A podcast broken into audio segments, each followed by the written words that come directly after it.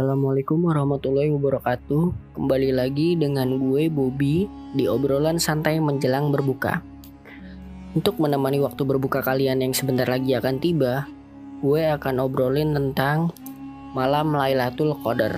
Nah, pas banget nih karena kita berada di minggu-minggu terakhir puasa dan juga sebentar lagi mau lebaran gitu kan untuk kalian para pendengar talkotif kalau misalkan bisa nggak mudik jangan mudik dulu tahun ini karena di masa pandemi seperti sekarang ini semua rawan dengan virus corona gitu jadi siapa pun bisa jadi carriernya siapa pun bisa tertular stay safe dan jaga orang terdekat kalian. Pengertian Lailatul Qadar adalah merupakan malam yang paling mulia dengan penuh keberkahannya. Lailatul Qadar sendiri adalah satu malam yang lebih baik daripada seribu bulan yang diperingati pada 10 hari terakhir di bulan Ramadan. Tanda-tanda malam Lailatul Qadar yaitu udara dan suasana pagi tampak tenang dan damai. Cahaya matahari bersinar cerah tapi terasa melemah dan tidak terlalu panas keesokan harinya. Malam yang tenang, tidak dingin, tidak berawan, tidak hujan, tidak panas, tidak ada angin kencang. Di saat pada malam tersebut kita beribadah, maka ibadahnya akan semakin terasa nikmat, hati menjadi lebih tenang, dan mendapatkan kesan yang berbeda tidak seperti malam-malam yang lainnya. Nah, ada beberapa amalan utama di malam Lailatul Qadar. Salah satunya adalah bisa berupa sholat malam, witir, tahajud. Yang kedua adalah membaca Al-Quran. Amalan ketiga yaitu iktikaf atau dia beberapa waktu di dalam masjid dengan tujuan untuk mendekatkan diri kepada Allah. Tapi perlu diingat di masa pandemi seperti sekarang ini, kalau misalnya tidak memungkinkan untuk beribadah di masjid, ya tidak apa-apa. Kalau kalian riset dengan beberapa ustadz tidak apa-apa karena ini kan lagi menghindari mara bahaya dan itu yang selalu ditekankan. Jadi yang penting adalah ibadahnya khusyuk, mau di rumah mau di masjid silahkan nggak masalah. Adapun doa malam Lailatul Qadar adalah Allahumma innaka afun tuhibbul afa fa'fu anni. Yang artinya adalah ya Allah sesungguhnya engkau zat yang maha pemaaf dan pemurah maka maafkanlah diriku. Yang perlu diingat, malam Lailatul Qadar tidak bisa dirasakan oleh seluruh umat muslim.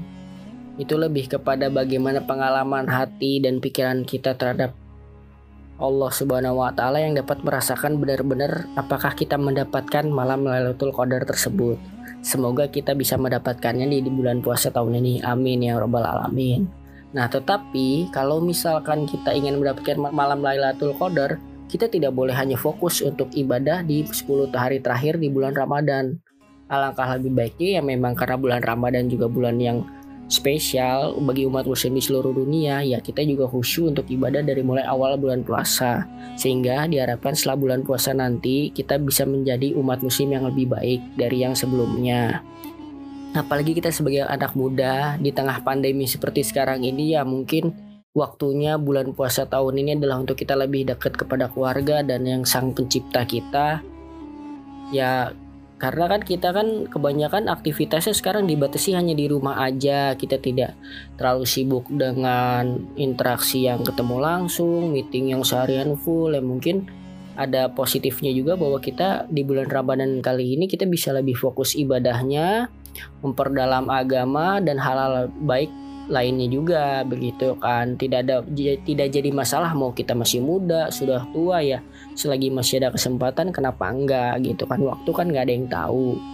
Itu sih. Jadi semoga penjelasan dan cerita tentang malam Lailatul Qadar kali ini bisa sedikit memberikan info lebih baik untuk kalian para pendengar talkative guy semua yang tadi gue sampaikan mengenai malam Lailatul Qadar itu sendiri bukan merupakan asumsi gue pribadi, tapi gue sudah melalui riset dari beberapa artikel, pembicaraan-pembicaraan ustadz maupun pengertian secara harfiah di website.